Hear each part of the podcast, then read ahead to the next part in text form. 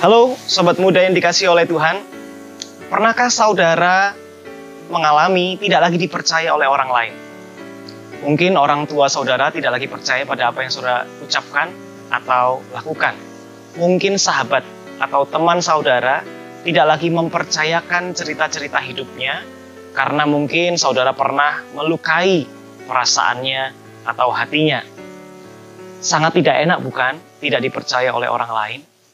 Sebaliknya, ketika kita dipercaya oleh orang lain, kita begitu bersuka cita, kita begitu bersemangat, bahkan kita bisa mengeluarkan potensi diri kita dengan lebih baik.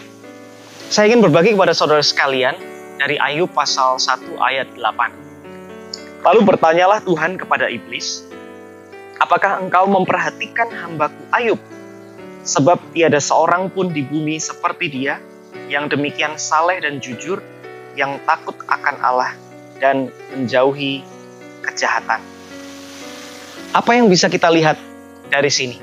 Kita melihat bahwa Tuhan begitu percaya kepada Ayub.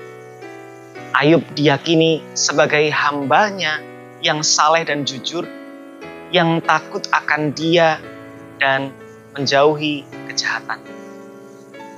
Berita baik untuk saudara dan saya hari ini adalah bahwa Tuhan begitu percaya pada saudara dan saya.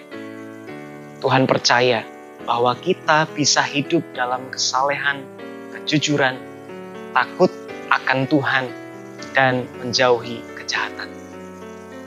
Maka mari kita menjalani hari-hari kita untuk membuktikan kepada Tuhan bahwa kepercayaannya tidak sia-sia. Bahwa kita adalah hamba-hambanya yang sungguh-sungguh dapat dipercaya dengan membuktikan diri kita hidup dalam takut akan Tuhan.